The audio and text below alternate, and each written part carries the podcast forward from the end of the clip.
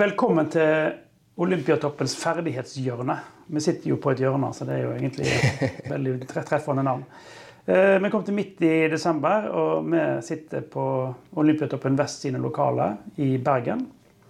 I, tro det eller ei, ganske regnvått Bergen i dag. Sånn er det før jul. Mitt navn er Lars Arne Andersen. og Jeg jobber som fagkonsulent på avdeling for motorikk og ferdighetsutvikling. Der jeg jobber 50% i Oslo på Toppidrettssenteret og 50% regionalt her i Bergen. Eh, der jobber jeg sammen med gode kollegaer med masse forskjellige idretter. Jeg har jobba med blant andre, for jeg kan ikke ramse opp alle, skøyter, svømming, friidrett, roing, triatlon og breaking. Og apropos eh, breaking. I denne episoden har vi besøk av en eh, ganske spennende kar, syns jeg. Jeg har vært heldig å få jobbe med deg i jeg tror det er to og et halvt år. Jeg har ikke helt telt på, på fingrene. Og du heter Daniel Grindeland, og du er en av de beste breakerne vi har i verden. Og i hvert fall så skal du bli det. Jeg kan si litt kort om deg. Daniel, du kommer fra Sotra, rett ut for Bergen. Du har breaka siden 2005. Før da så var en veldig fysisk aktiv Daniel både innom fotball, basket, taekwondo, karate og speideren. Eh, Daniel ble først kjent som medlem i Absence Crew, i alle fall for meg. Og der er du fortsatt med, og, og veldig aktiv. Du har deltatt og prestert på høyt nivå, senest i VM. Og da ble det en 15.-plass. Eh, veldig akseptabelt. Og inngangen til det VM var jo litt eh, brokete, så det var godt levert. Eh, breaking er i olympisk sammenheng en ganske ny idrett. Eh, breaking debuterer faktisk som olympisk grein i Paris i 2024. Og det gjør forhåpentligvis du òg, Daniel, som utøver. Så velkommen, Daniel. Tusen, tusen takk for det. Ja, det Kjekt kort, å være her. Ja, Så bra at du ville stille opp. da. Eh, det var en kort og kanskje litt lite utfyllende presentasjon jeg hadde av deg. Så jeg lurer på om du kan utfylle litt for de som hører på. Jeg. Hvem er du, Daniel? Ja, altså jeg, eh, Mitt navn er Daniel Grindeland. Kommer fra Sotra. Jeg er 28 år og har holdt på med breaking siden jeg var 11. Så siden 2005, som du sa. Og jeg jobber den dag i dag profesjonelt eh, som breaker. Eh, og det går ikke an å leve av å konkurrere, sånn som å være med i VM og EM og disse konkurransene. Så utenom så er jeg nødt til å, å gjøre andre ting, da. Og da sammen eh, med Absence og aleine så lager jeg eh, forestillinger, har danseshows, lager reklamefilmer, kortfilmer. Og egentlig gjør alt som er mulig å putte breaking inn i. Så, så jeg har fått, fått muligheten til å gjøre veldig mye spennende i min karriere. Har nå levd av breaking siden jeg gikk ut videregående i 2012.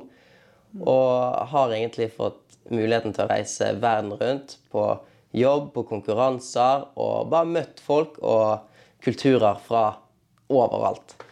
Så, så det er egentlig litt av meg. Jeg bor i Oslo, eh, og vi har jo hatt, eh, hatt mest trening i Oslo. Mm. Og så når jeg har vært på ferie i Bergen, så har vi også klart å snike inn litt trening her òg. Stemmer. Så det, det, er jo veldig bra at du, du jobber 50 begge steder. For da får jeg trent uansett om jeg er hjemme eller hjemme i Bergen. Yes. Men jeg vet at du får trent uansett om jeg er der eller ikke. Så ingen fare. Ja, men det er greit å ha en, en, et øye utenfra av og til òg. Ja. Du har jeg, jeg, kjenner litt til deg, nemlig. For når du begynte å jobbe med meg, så fikk jeg lese en liten historie som du skrev et lite narrativ om, om, bakgrunnen du hadde. Og, så jeg har juksa litt på forhånd. da. Og Der skrev du at du var veldig aktiv når du var barn. Og så kan du si litt om den aktiviteten du hadde i deg, og hvorfor du valgte breaking foran annen, annen tradisjonell idrett. Ja, eh, altså når jeg eh, var ung, altså når jeg gikk på, i barnehagen, så var jeg helt spinnvill. Jeg drev og sloss med de andre barnehageelevene og stakk av fra barnehagen. Og når barnehagetanten skulle hente meg, så kastet jeg en stein i hodet på henne, så hun fikk hull i hodet og måtte på legevakten og sy. Ja. Så begynte jeg på barneskolen, og da skulle man jo lære. Men for å lære så er du nødt til å sitte i ro. Du er nødt til å konsentrere deg og følge med. Det hadde jeg ikke sjans til. Så jeg satt rett og slett og bare ristet i timene og bare ventet på at jeg kunne komme ut i friminuttet. Og med en gang jeg kom ut i friminuttet, så begynte jeg å løpe i gangene. Jeg stjal skolemelk, jeg prøvde å stå på hender.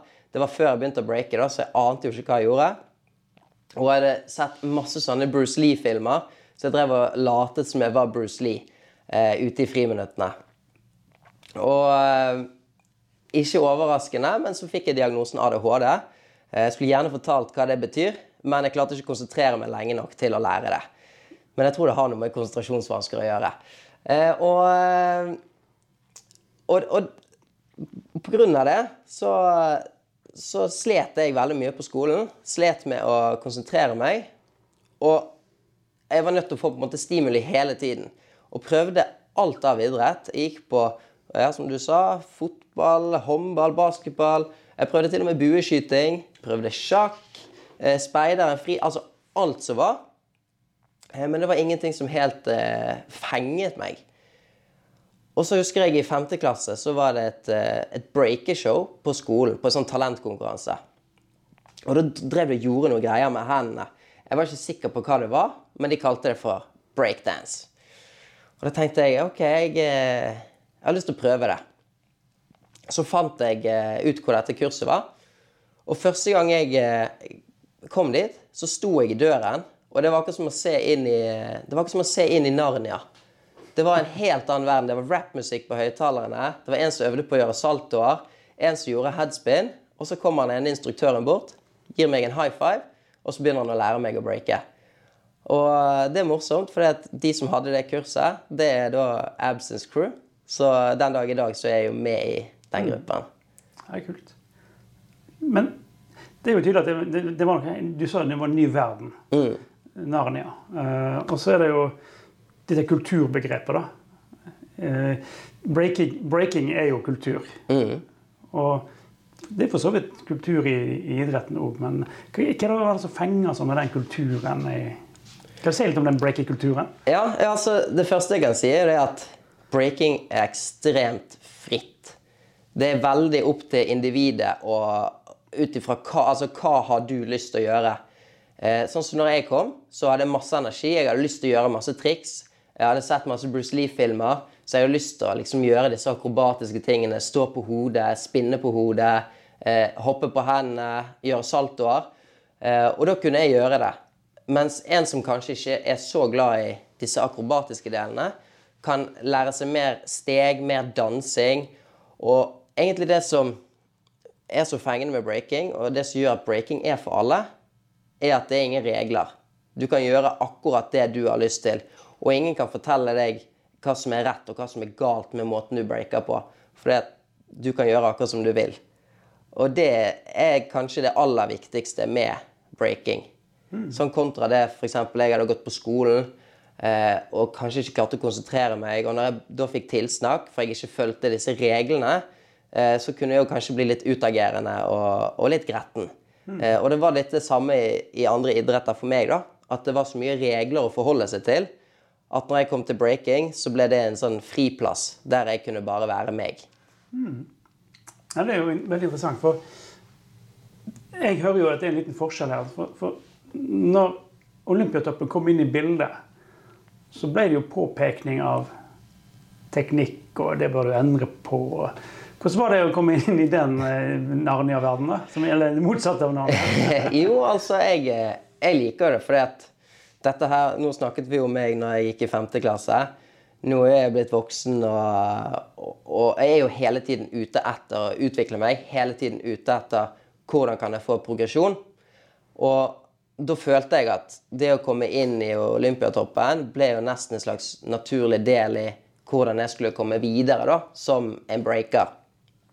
Og, og selv om breaking er et slags kunstnerisk eh, utførelse av, eh, av mine ting, så er det jo ingen hemmelighet at verktøyet jeg bruker, er kroppen min. Og med en bedre teknikk, bedre motorikk, så vil jeg kunne utføre tingene eh, på en bedre måte. Så der har jo Olympiatoppen vært ekstremt eh, hjelpsomt med å påpeke hvor mine svakheter er. Og vi har jo jobbet med å, med å, styrke disse, sånn at jeg rett og slett blir bedre i, i mine tekniske ferdigheter. Ja, for, for Neste spørsmål på listen min var jo litt om disse ulikhetene som er mellom den tradisjonelle breaking og, og idrett. Mm. Nå har du sagt litt om det. Og når jeg hører på deg, så høres det ut som at det er et supplement til. At det ikke nødvendigvis er en konflikt mellom. Mm. Eh, og det syns jeg høres veldig bra ut i, i mitt hode. Ja. Eh, den kulturen Du treffer jo masse folk på Olympiatoppen. Eh, Nå har det jo vært spesielle år. Du har jo ikke truffet folk på den måten som kanskje var Olympiatoppen er kjent for. At en mingler i kantinen og i gangene. Mm. Men på tross av eh, eh, korona og, og tiltak, smitteverntiltak, så har jo du møtt en del andre utøvere på, på huset. Hva syns du om det, den liksom, modellen der, at det på tvers av idrett at det møtes og, og, og, og prater? Hva, hva har det gitt deg? Ja, altså Først og fremst så har det gitt ekstremt mye motivasjon. Eh, For det å, å være på et sted der absolutt alle som er der, er der for å bli bedre. Alle jobber for å bli så god som mulig. Det er jo ekstremt motiverende. Eh, uansett hva idrett de holder på med, eller hva idrett jeg holder på med. Eh, fordi at jeg kan alltid relatere til hva det er de gjør, og hvorfor de gjør det. Eh, og så har jo det vært litt sånn utfordrende, men vi har hatt perioder der det har vært litt bedre, og da har det åpnet litt opp, og det har vært litt lettere å mingle. Så jeg har blitt kjent med mange eh, rå mennesker, og vi har snakket Vi har vært mye prat i kantinen, i garderoben, eh, og på vei inn og ut fra treningssenteret, og da, eh, da føler jeg at, at jeg blir på en måte en del av et, eh, et stort fellesskap, da. Eh, som man da kan kalle Idretts-Norge. Eller Toppidretts-Norge, kanskje. Eh, og det har vært eh, Det vært veldig gøy å, å få, få ta en del i, da. Som breaker så har vi jo på en måte aldri blitt eh, blitt, eh, blitt sett på som en idrett. Så det å nå komme inn og, og få, få den muligheten er jo veldig gøy. Ja. Vi snakker om, eh, om eh, at breaking har blitt en idrett. Og det har blitt en OL-idrett. Eh, I 2024 så er det altså full konkurranse om OL-gull og, og heder. Den kulturen som du kommer fra, og du har beskrevet litt for oss nå, har det at det har blitt ei OL-grein, gjort noe med den kulturen? Hva skjer i breike-Norge, eller breike-verden, eh, med tanke på kultur? Endrer den seg? Er det konflikter? Kan du si litt om, Ja. om det? Eh, ja, altså det er jo eh, ingen tvil om at det har vært veldig stor splittelse i breakermiljøet. Noen er veldig mot OL, og så er det noen som er veldig for OL. Og så er det ikke sånn veldig mange i midten. Polarisert, altså. Ja, eh, og det som er jo det at når det skulle bli tatt opp i OL, så hadde det blitt tatt opp i OL om vi var med eller ikke. Så da kan vi enten velge å boikotte det, eller å være med og prøve å forme det sånn at det blir mest mulig sånn som breaking er for oss. For breaking er jo helt fantastisk, og jeg tror at alle i verden hadde holdt på med breaking hvis de hadde visst hvor utrolig fett det var, og hvor kult miljø det var. Så med å da eh, være en del av, eh, eh, av dette, så kan vi da spre kunnskap om det og, og prøve å, å få andre folk til å skjønne hva breaking er, hva som er verdien i breaking, og, og hvorfor vi gjør det. Eh, og, og da tror jeg også det åpner veldig mye for muligheter for enda flere folk å kunne leve av breaking. Eh, når det blir en OL-gren, så blir det jo flere offisielle konkurranser. Og det gjør at kanskje man en dag kan leve av å kun konkurrere i breaking. Eh, kanskje ikke det er for, for meg eller min generasjon, men kanskje generasjonene som kommer, kan, kan kunne leve av det akkurat som noen andre idretter også kan gjøre. Ja. Det minner jo litt om eh, historien til f.eks. snowboard. Ja. Uten at vi skal gå inn på det, men det er jo litt det samme eh, som har skjedd, eller som er i ferd med å skje der. Da. Så det, de er fortsatt med i OL, de. Men, eh, men han kan jo også si det at eh, selv om breaking er tatt inn i OL, så er på en måte OL og disse offisielle konkurransene det er bare enda en plattform som kommer inn i breaking. Mens alle disse her, eh, disse som er på en måte innad i breakemiljøet-konkurransene, de kommer fortsatt til å være der. Eller det som mange kaller for underground-eventene. Mm. de kommer fortsatt til å være der. Så det, det blir bare enda flere plattformer der man kan eh, breake. Og du kan bestemme om du vil være med i OL, eller om du kun vil gjøre underground, eller om du vil gjøre alt. Eh, og jeg er jo veldig glad i, i, i på en måte en, en, stor konkurranse, stå på scenen foran tusenvis av stykker. Men jeg er like glad i å, å være i, i, kjelleren på et eller annet innleid utested eh, og breake, og så er vi kanskje bare 20 stykker. Jeg syns begge deler er dødsfett, eh, og vil gjerne gjøre alt, da. Ja, men da har jeg et spørsmål til deg her. For dere har jo på en måte hatt en tradisjon for å være i sesong hele året. Mm. Det er alltid en event eller et eller annet som skjer. Eh, og det blir jo ikke mindre når en har i pose og sekk både OL-delen av det og den underground-delen av det. Mm. Eh, I idretten så snakker vi ofte om periodisering, formtopping, ta hensyn til skader, ressursperioder. Masse forskjellige sånne ting som man kan samle under paraplyen periodisering. Ja. Hvordan har dette truffet deg? det, jeg, hadde, jeg gikk idrett på videregående, så da hadde jeg veldig kort om det. Og så har jeg egentlig ikke tenkt på det siden. Eh, og, og, vi har jo trent sammen. Og bare siden vi begynte å trene sammen, så har jeg vært skadet konstant. Det, vært... det høres ikke så bra ut, det du sa nå. Nei, det høres ikke så bra ut. Eh, men likevel så er man jo med på konkurranser. Eh, eh, når jeg hadde den ankelskaden som var nå rett før VM, så sa jo alle at du må droppe VM. Men, men det ligger liksom ikke i min natur da, å, å, å stå over noe bare pga. en skade. Så, så, det som breaker er, da, de er, ekstrem, altså de er ekstremt gode på å bare tilpasse seg skadene de har. Eh, så det kan være sånn fra helg til helg. Så det er sånn Ja, i dag har jeg liksom I dag har jeg ekstremt vondt i skulderen, så i dag breaker jeg bare med venstre hånd. Eh, og så kan det være ja, Nå har jeg tråkket over med ankelen, så i dag breaker jeg bare på én fot. Og så eh, gjør man det, og det er kanskje ikke så sunt, eh, men, eh, men, det som er med breaking der, da, er jo det at man prøver Altså, breaking, det, det handler ikke nødvendigvis om hvor atletisk du er, fordi at Sånn som jeg, jeg gjør mye moves, men en annen kan gjøre masse dansesteg, eh, masse kreative momenter som ikke nødvendigvis er så eh, fysisk krevende. Men de kan fortsatt være ekstremt gode. Eh, og han som ble verdensmester eh, i fjor, eller forfjor blir det vel nå, fjor ble kansellert, eh, han er kanskje den minst atletiske av eh, topp 15-breakere i verden. Men han har ekstremt kreative ideer han har en ekstremt eh, kul flow, og det gjør at han klarer å slå alle, selv om de er, er bedre, da. Og, og, og, da selv om han eh, kanskje kan ha en skade, så klarer han å skjule det inni det her, sånn at vi som ser på, ikke forstår det. Eh, men når det er sagt, så skulle jeg gjerne hatt litt mindre skader, ja. ja men jeg liker jo den at du til altså tilpasning. Eh, at du kutter ut de tingene som du ikke kan gjøre. For det, det ligger en fleksibilitet, et rom for det, mm. i breaking. Ja.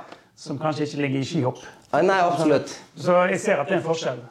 Men uh, vi skal ikke snakke så mye mer om det, for jeg har andre spørsmål.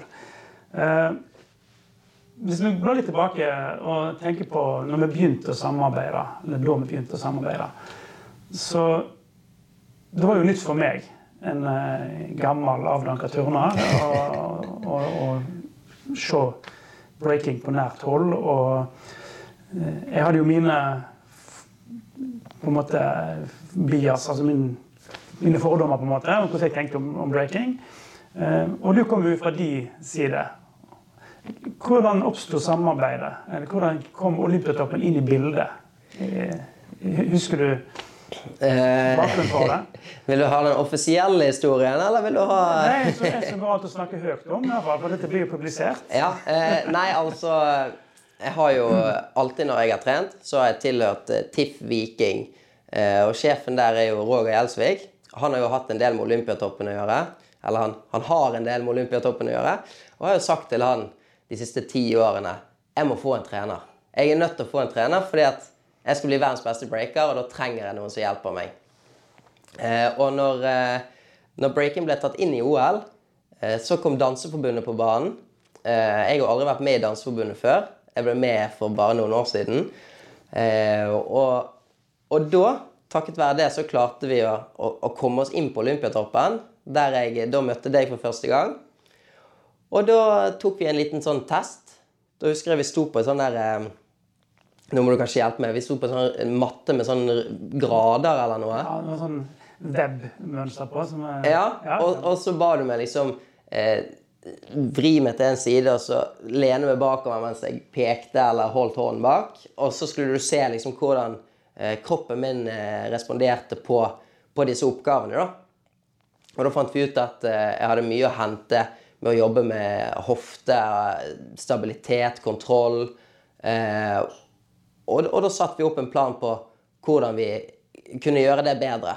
Og så etter hvert som vi jobbet, så kom jeg med, eh, med sånn Å, dette, dette, det hjalp mot dette.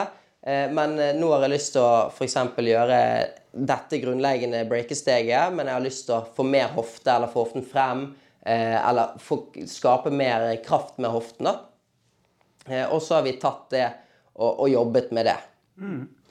For det, det du beskriver, er jo egentlig at vi hadde en inngang som gikk nedenfra og opp. Kommer så liksom på bevegelsesstrategiene som de, det du på en måte har i deg, som du bruker helt sånn basalt helt fra bånn. Og så prøvde vi å finne ut om det var noen sammenhenger mellom de, de byggesteinene der og elementer som du gjør når du danser. Og når du på en måte har etablert en rød tråd mellom byggesteiner og, og dansen, så, så snudde vi litt på det. Så så vi litt på hvordan du gjorde ting i dans, eller i breaking. Og så ser vi om det kunne henge sammen med en underliggende byggestein. Så vi, måtte, så vi jobber egentlig både med å bygge opp fra grunnmurene opp, men òg å fikse på fra den ytre fasaden og inn. Ja. Eh, så, og det jeg syns var veldig kjekt å registrere, var hvor raskt du dro den røde tråden sjøl mellom byggesteinene og, og, og det som foregår på parketten når du, når du danser. da.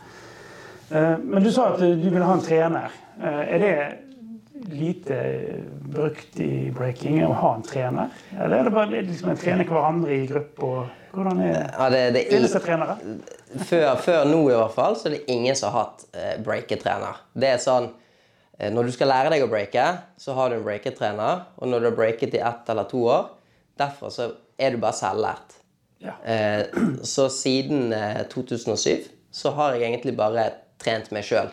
Ja. Eh, og gått på trening eh, og tenkt sånn Ok, hva, hva kan jeg lage? Eh, hva kan jeg gjøre i dag for at jeg skal bli bedre? Kanskje sett litt på YouTube, og så bare prøvd å hente inspirasjon, og så skaper man på en måte sin, eh, sitt eget uttrykk da i breaking. På Olympiatoppen så har du jo coacher, det er trenere, fysioterapeuter, leger, sånne som meg, fagkonsulenter. Og så bare renner det på. Nå er jo dere en utviklingsidrett, eh, så, så dere har på en måte ikke eh, samme status som disse som eh, har, har de største idrettene ennå.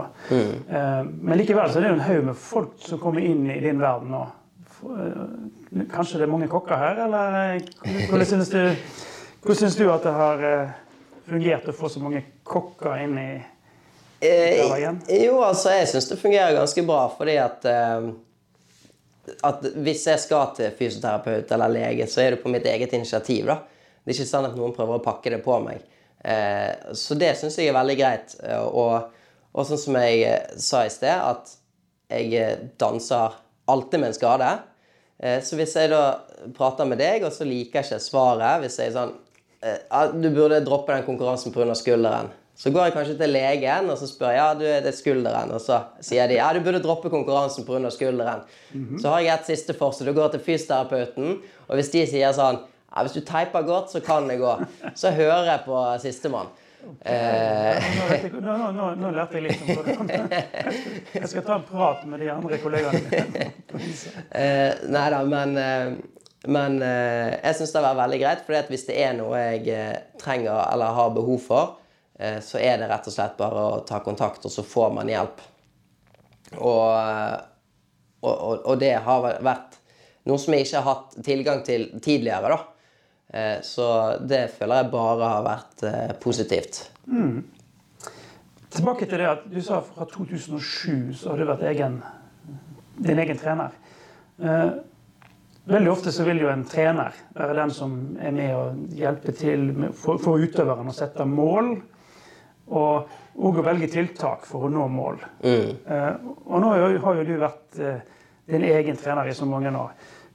Når du definerer målsetningene dine For du kan godt si at du vil bli best i verden, for det er jo et, et, et mål. sant? Men konsekvensen av målet er jo å, å gjøre en del ting. Jeg må gjøre endringer, jeg må ta en del valg. Og så er spørsmålet mitt til deg På hvilken måte har du jobba med å finne tiltak basert på målsetningen som du har satt deg? Ja. Jeg er litt spent på hvordan du tenker som din egen trener. Ja, eh, altså jeg kan jo begynne med å si at alt jeg gjør, er, er fordi at jeg tror at det vil bringe meg eh, nærmere målet. Eh, og jeg har jo prøvd veldig mye forskjellig. Eh, jeg har prøvd å danse andre dansestiler, eh, sånn for å, for å på en måte bli en bedre danser.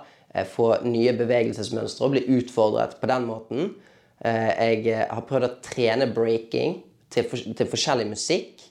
F.eks. For danset breaking til jazz, til techno, til klassisk, også til, til rap, breakbeats, drum and bass. Og egentlig bare for å, å prøvd masse forskjellig for å, å se hvordan, hvordan responderer kroppen min på, på denne type musikk for å utvikle meg eh, til kanskje jeg kan finne på et nytt bevegelsesmønster der som jeg kan ta inn i breakingen eh, for å gå videre. Og eh, jeg vet ikke helt om det svarte så Nei, altså du har, et av tiltakene dine er å utfordre deg sjøl på forskjellige musikkformer. Ja. For at du skal løse de oppgavene som du Ja. gir deg sjøl. Og så er jo på en måte en annen ting er jo det å, å kunne stå foran et publikum. Når du, når du konkurrerer, så står, jo, står man foran et publikum. Eh, og man står foran en motstander, man står foran dommere. Eh, og det veldig mange ikke vet, da, er det at når du konkurrerer med breaking, så er det ikke sånn at man har planlagt en rutine, og så skal man utpå å utføre den rutinen. Eh, du vet ikke hvem du konkurrerer mot før kanskje i det sekundet du skal på gulvet. Såpass. Ja da, så av og til så kan de trekke liksom to navn opp fra en hatt, og så er det ok, da er det Daniel mot eh, Og så er det en eller annen, og så da vet jeg hvem jeg skal møte. Og da på gulvet så, eh, så begynner DJ-en å spille en sang. Og det her er første gang jeg hører eller kanskje ikke første gang jeg hører sangen, men jeg vet ikke hva sang han skal spille før jeg står på gulvet. Eh, så derfor har jeg også måttet utfordre meg sjøl i det å jobbe improvisatorisk. Hvordan jeg kan binde eh, momentene mine sammen på forskjellige måter ut ifra musikken som blir spilt. Ja. Så det betyr at du på trening kanskje ha en sånn random Ja, spilleliste, så må du bare håndtere det som kommer ut av høyttaleren? Ja, så hvis jeg f.eks. da har planlagt disse tre momentene skal jeg bruke i denne soloen, så kan jeg sitte på en sang, og så ser jeg hvordan jeg vil gjøre disse tre momentene sånn at de passer til musikken. Og så kan jeg skifte til en ny sang, og så kan jeg prøve akkurat det samme en gang til, men bare se hvordan soloen forandrer seg. Og, da, og for, å, for å bli på en måte komfortabel med å kunne gjøre dette, så, så er det viktig å kunne trene på dette her om igjen og om igjen, sånn at jeg ikke vet Jeg vet ikke på forhånd hva jeg hva, hvordan soloen min kommer til å bli eh, når jeg går utpå og breaker. Og, og det er kanskje noe av det som gjør breaking så, så ekstremt kult. fordi at når du gjør det, så får du liksom motstander, publikum, DJ, dommere, alle til å bli, bli liksom trukket inn i nuet. Og det som skjer, det skjer kun her og nå, og det går ikke an å gjenskape. Eh, så, så det er jo en ekstremt sånn eh, skummel ting hvis du ikke har trent på det. Eh, og det er noe jeg har brukt ekstremt mye tid på, eh, på å utvikle. Ja. Nei, det, dette er jo helt sånn fantastisk å høre. For eh, det er jo en åpen idrett. da. Eh, at den var så uforutsigbar som du beskriver nå, det var ikke jeg klar over. At jeg faktisk ikke visste eh, på, på hva du skal gjøre før du hører musikken komme gjennom høyttaleren. Vil det være sånn i OL òg? Ja, ja. Um, så, og den eh, randomiseringa som altså Det at det blir sånn tilfeldig og uforutsigbart, på en måte, eh, som en sånn grunnpilar i treninga, det høres jo litt ut som musikk, for å snakke om det, i mine ører. Eh, du sa noe om dansestiler og utfordre deg på. Eh, Du har beskrevet at du har en moves-basert dansestil. Og jeg, som jeg har sagt før, jeg er en gammel turner. Jeg blir litt sånn nysgjerrig. Hva ligger, på en move, hva ligger i en moves-basert Ja, stil? eh, altså Det som ligger kanskje i en moves-basert stil, er jo det at mitt hovedfokus kanskje er, er på de store momentene, de store triksene. Eh, og det som er viktig, da, er at jeg ikke gjør f.eks. sånn som mange kjenner til Thomas Flair. Det er et helt grunnleggende steg i breaking og vil på en måte ikke om man skal si, Det vil på en måte ikke gi noe poeng, det movet i seg sjøl. Så hvis jeg skulle gjort en Thomas Flair, så måtte jeg gjort det på en helt ny måte. Kanskje ha beina samlet og, og gå opp i sånn eh, Ta beina liksom nært fjeset og kunne gjøre det. Eller kanskje jeg kunne klart å grabbe eh, an, annenhver ankel når jeg gjorde det. Eh, og rett og slett bare skape et, nytt triks ut av det trikset som allerede er. Men eh, det som jeg gjør, er å, er å gjøre det, og prøve å lage litt sånn kortere sets med store triks. eh, der jeg der jeg på en måte breaker, og så hopper jeg plutselig i en fra ryggen opp på beina, tar høyrehånden i bakken, og så hopper jeg og spinner 360 og lander på ryggen igjen før jeg går videre inn i noe, da. Noe som er liksom litt store momenter, eh, som også da er kanskje grunnen til at jeg ofte er skadet. Eh, mens andre da, som kanskje ikke har en, en moves-basert eh, dansestil, gjør kanskje mer eh, steg oppe, eh, følger enda mer med på musikken, har litt mindre detaljer, mer intrikate ting. Mens det jeg gjør, er liksom litt større, eh, litt mer sånn wow-effekt, men også er det mye Det er større fallhøyde, da. For det er jo lettere å falle også. Og, og, ja, rett og slett. Eh, så, så det er liksom litt det ligger i det. Men I og med at du har den stilen, at eh, du er god på improvisasjon, eh, og egentlig avhengig av det, så, så prøver vi å, å få de til å tenke på hvordan de setter sammen bevegelser til teknikk.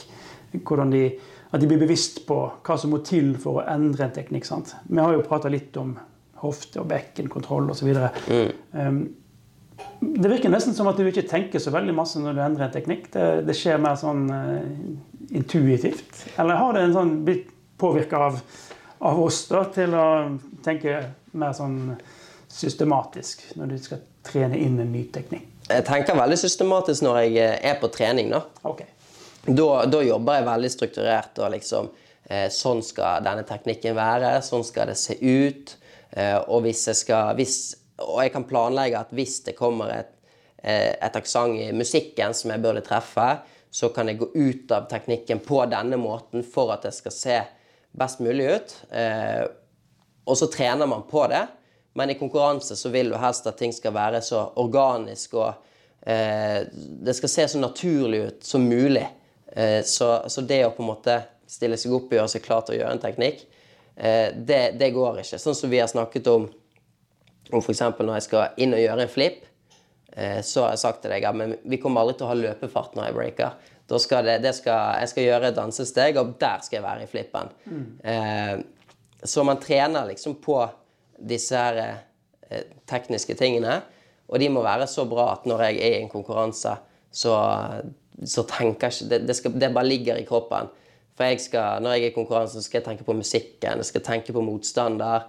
Eh, kan jeg, mens jeg gjør denne baklengssalto 360-en, klare å liksom se på motstander, kanskje peke på motstander i luften før jeg tar og tvister den. Eh, og det skal, liksom, det skal være så innøvd eh, før man gjør det i en konkurranse. Det jeg liker, er jo at i og med at idretten din er såpass åpen Det betyr at det, det er uforutsette ting, det skjer ting intuitivt hele veien. Eh, at når vi jobber med teknikk, så utfordrer du meg på akkurat det du sa. Ja, men det må ikke tilløp. Så du, skal være i stand til å gjøre noe som er i min verden, men det skal ikke være mulig uten tilløp. sant? Ja. Eh, Sånn at jeg òg må, må endre min måte, eller min metodikk. da. Mm. Og det jeg liker med det, er at du da plasserer ting inn i en helhet. Mm. Sant? For det er lett å trene på en, det dere kaller for en flip, Mm. som jeg kaller for en salto. Sånn som en ville gjort det i, i min idrett. Ja. Men den, det betyr ikke at den funker i din idrett. Så vi må tilpasse eh, Sette det inn i den konteksten. Mm. breaking-konteksten. Og det syns jeg er veldig bra at skjer allerede litt tidlig i prosessen. At ikke vi går inn i ei sånn eh, blindgate. Ja. Nå blir du flink til å ta en salto, men den kan ikke bruke. For den, Ja. Er? Så jeg, jeg syns det, det er spennende.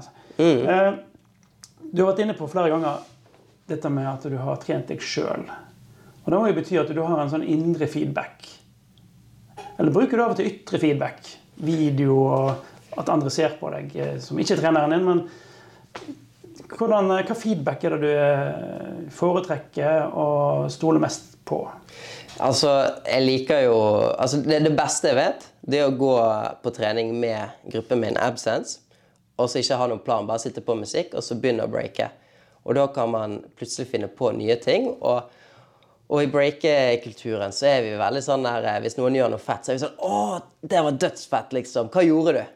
Og så er jeg sånn «Eh, Jeg, jeg husker ikke. Jeg bare, bare, jeg bare gjorde et eller annet. Ja, men du gjorde et eller annet, og så tok du foten der, og så grabbet du der, og så gikk du opp der, og så, og så prøver man å gjenskape det, og så, eh, og så klarer man å kunne lage et, et move som jeg nødvendigvis ikke kjente på kroppen min at føltes kult ut, men de utenifra var sånn Det var dødsfett. Det må du ta vare på. Eh, så det er jo veldig gøy å få sånn feedback eh, fra gruppen. Eller hvis man er på konkurranser, så får du feedback av publikum hvis du gjør noe som er skikkelig kult eller bra eller fett. Eh, det er vel egentlig alt det samme. Men også trener jeg ekstremt mye aleine. Ja. Og, og, og det å Hvis jeg skal gjøre en, en power moves-kombinasjon, som er en, en kombinasjon med de store triksene i breaking, eh, så kjenner jeg veldig på kroppen. Eh, kroppen gir liksom feedback på at Oi, nå er du rå, liksom. Dette her var, det var ganske crisp, det du gjorde. Altså, det var det, Der satt det. Eh, og så filmer jeg veldig mye. Jeg filmer egentlig hver eneste trening. Eh, Så kan jeg prøve på en spesifikk kombo. Gjør jeg kanskje den ti ganger. Og så filmer jeg det om igjen og om igjen. Og så ser jeg på filmen hvordan det ser ut. Og kan egentlig sammenligne det med følelsen jeg fikk når jeg gjorde trikset. Denne her følte jeg var dødsbra. Så gir jeg meg sjøl ganske god feedback. Og så ser jeg det på filmen, og så var jeg sånn du hva, det var ikke så kult allikevel. Vi må forandre på det. Ja. Eh, Så egentlig Egentlig så Først så er det meg sjøl. Føler jeg det er kult. Så filmer jeg det. Filmer jeg det, og jeg syns fortsatt det er kult. Så kan jeg spørre en kompis som er i Absen sånn Ser dette fett ut? Og hvis han da sier det er kult, så kan jeg kanskje prøve det på en, en konkurranse. Og hvis da jeg får feedback fra publikum, da, da er det noe jeg må beholde. Et, eh, da har jeg et spørsmål. Eh, hvis jeg syns det er kult, da Ja. Eh, det, det hjelper. Det hjelper. Det var litt, det var litt sånn eh, spøk. eh. Eh, Et litt sånn åpent spørsmål til her. Har du lært noe av toppidretten? Og da snakker jeg liksom den toppidrettskulturen. er, denne, denne periodiseringa, det er struktur, det er Ja. Det er litt den der baksiden av Narnia. sant? Er det noen ting du føler at dette var bra at jeg fikk med meg fra den, den kulturen? Ja, det er jo veldig mye eh, som eh, positivt som jeg har lært der. Og blant annet det der med å, å, å lytte litt mer til kroppen. Eh, jeg har jo tidligere kanskje tenkt sånn Ja, men jeg må bare bli litt bedre. Jeg må bare bli litt bedre. Eh, og så trent liksom litt mange dager på rad på kanskje det samme over lengre tid. Og så kommer en skade, og så er jeg sånn åh, det var kjedelig. Men, men det jeg har lært av toppidretten, er at man må la, gi kroppen tid til å tilpasse seg belastningen. Og hvis jeg trener på Spesielt hvis jeg skal øve inn en ny teknikk. Så hvis jeg trener på en ny teknikk, så trenger jeg kanskje ikke å trene på den dødshardt tre dager på rad. Eh, Det er kanskje ikke det sunneste. Så kanskje jeg kan trene hardt i dag, og så kan jeg trene på noe annet dagen etter. Og så kanskje jeg kan komme tilbake til den eh, dag tre. Og så er det av og til sånn at hvis du trener på noe, og så lar du det gå litt tid, så synk, det er akkurat som det synker litt mer inn. og Eh, og det er akkurat som kroppen, eller kanskje hodet, visualiserer og, og, og, ser for seg teknikken et par ganger. Sånn at når du da gjør det fysisk igjen, så har du kommet litt lenger enn hvis du bare hadde liksom prøvd å kjøre på fysisk hele tiden. Så, så det har vært eh, veldig bra. Motsatt, da. Hvis du skulle gi et råd til de utøverne som de andre utøverne som Ja. er på Olympiatoppen. Hvis du Fra ditt perspektiv som breaker og nå har én fot i begge verdener, Ja. er det noe råd? Er det noe de kan lære av, eh, lære av breaking? Eh, annet enn kule triks de kan bruke når de feirer eh, seirene sine. Ja, annet enn det. Eh, altså, jeg er jo Altså sånn Nå vet jo ikke jeg så mye om hvor mye de andre er sine egne treninger. Eh, nei, egne trenere. Mm. men eh, meg, da. Jeg gjør alltid det som jeg føler er best. Så jeg spør alltid om råd hos andre. Og så, hvis jeg ikke nødvendigvis føler at det er best for meg, så følger jeg eh, mitt eget råd. Det, og det kan av og til være positivt, og av og til negativt. Eh, Så du sier egentlig at det å ta regien for sin egen utvikling ja, jeg, være litt i førersetet sjøl i sin egen utvikling. jeg, jeg tror det er viktig, og, og da, du kan, da får du kanskje litt mer eierskap også, da. Men eh, Ja, så ta eierskap. Ja, kanskje. Men jeg tror kanskje jeg har mest å lære av de eh, enn de har å lære av meg, da. Ja. Men det som er fint med, med Olympiatoppen og toppidrettssenter, er jo at det er jo litt av tanken at en skal kunne, en skal kunne utveksle litt eh, på tvers av idretter. Mm. Litt sånn uformelt. Så, og, så begge veier er jo eh, supert. Litt tilbake til motorikk og ferdighetsutvikling, som egentlig er paraply for denne podkasten. Ja. Hva rolle har egentlig denne perioden med motorikk og ferdighetsutviklingstrening spilt for deg? Altså, den har vært eh, ekstremt bra. Eh, jeg, jeg, merker nå at jeg henter Eller liksom jeg lærer teknikker mye fortere. Fordi jeg klarer å, å brekke det ned i, i små eh, deler. Kontra kanskje før som har vært bare sett hele greien, og så prøvd å gjøre det. Og så på en måte ikke nødvendigvis skjønt hva, alltid hva som har vært eh, rett og galt. Og da bare gjort en teknikk tusen ganger før jeg får den til. Så kan jeg heller nå kanskje gjøre det 100 ganger fordi jeg ser hva som er, er feil, og, og klarer å ta tak i det litt fortere. Eh, og da klarer å tilpasse meg enda fortere enn det jeg har gjort tidligere, når jeg nødvendigvis ikke så eh, f.eks. Ja, der var hoften den, der, der brukte jeg ikke hoften nok til å skape kraft, eller der eh, sitter jeg i hoften istedenfor å, å få liksom den Må du hjelpe meg her for å liksom få hoften helt ut, da. Ja, for han strukket helt ut. Ja. Mm. og disse type tingene som jeg ikke nødvendigvis eh, var klar over eller visste før, er jeg blitt veldig klar over nå. eh, og ser det egentlig på alt jeg gjør. Så mer enn at du på en måte har gjort masse tiltak, så har det blitt en mer en sånn bevisstgjøring. Ja, Bevisstgjøring, men òg at jeg er blitt eh, flinkere i det. Eh, fordi at vi har jo trent på det, så har jeg utviklet meg på det. Eh, og så tror jeg det bevisstgjøringen kommer litt av ferdighetene. At når jeg, når jeg gjør det sjøl og merker forskjellen, så er det også lettere å se det eh, når jeg filmer, f.eks. Så, så ser jeg når jeg utfører en teknikk dårligere enn når jeg utfører den bra.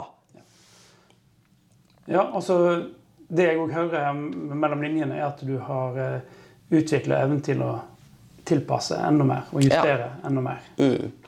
Kjempespennende. Eh, vi har jo sikkert noen aktive som eh, hører på oss. Håper jo det at det ikke eh, bare er passive som hører på oss, men at vi har aktive utøvere som hører på òg. Ja. Eh, hvis du skulle eh, gitt nok eh, et, ett eller to råd angående motorikk og ferdighetstrening liksom, Hvis du skulle si dette ville jeg gjort hvis jeg var deg, ja. hva ville du begynt med å heller hatt fokus på? Ja, altså jeg ville jo eh, begynt med å, å liksom putte egoet til side, da. For det er jo veldig mange som kanskje tenker at, at jeg er så god, jeg trenger ikke dette. Men, men, men vær villig til å, til å se og vise hva det er du er dårlig i. Eh, for det at når du viser og, og ser det, så kan du ta tak i det og, og utvikle deg på det. Eh, så det er jo kanskje det, det første rådet. Og og eh, jeg ante jo ikke Når vi begynte å trene, så ante jo ikke jeg hvor dette kom til å ende. Men når vi hadde gjort det en god del ganger, så merket jeg ganske stor forskjell eh, etter hvert. Eh, selv om jeg ikke nødvendigvis så i begynnelsen sånn Dette kommer til å hjelpe mot det. så merket jeg etter hvert sånn Å, dette hjelper for dette og dette og dette. Eh, og, og da kunne trekke disse trådene. Ja, men så bra. Da er vi kommet så langt at det gjenstår å si eh, tusen takk for praten. Takk for at jeg fikk komme. Ja, og så vil jeg ønske deg, Daniel, og dere som hører på, eh, skikkelig god jul. Og så Vi snakkes på neste økt. Så høres vi igjen i en annen episode. Takk for oss.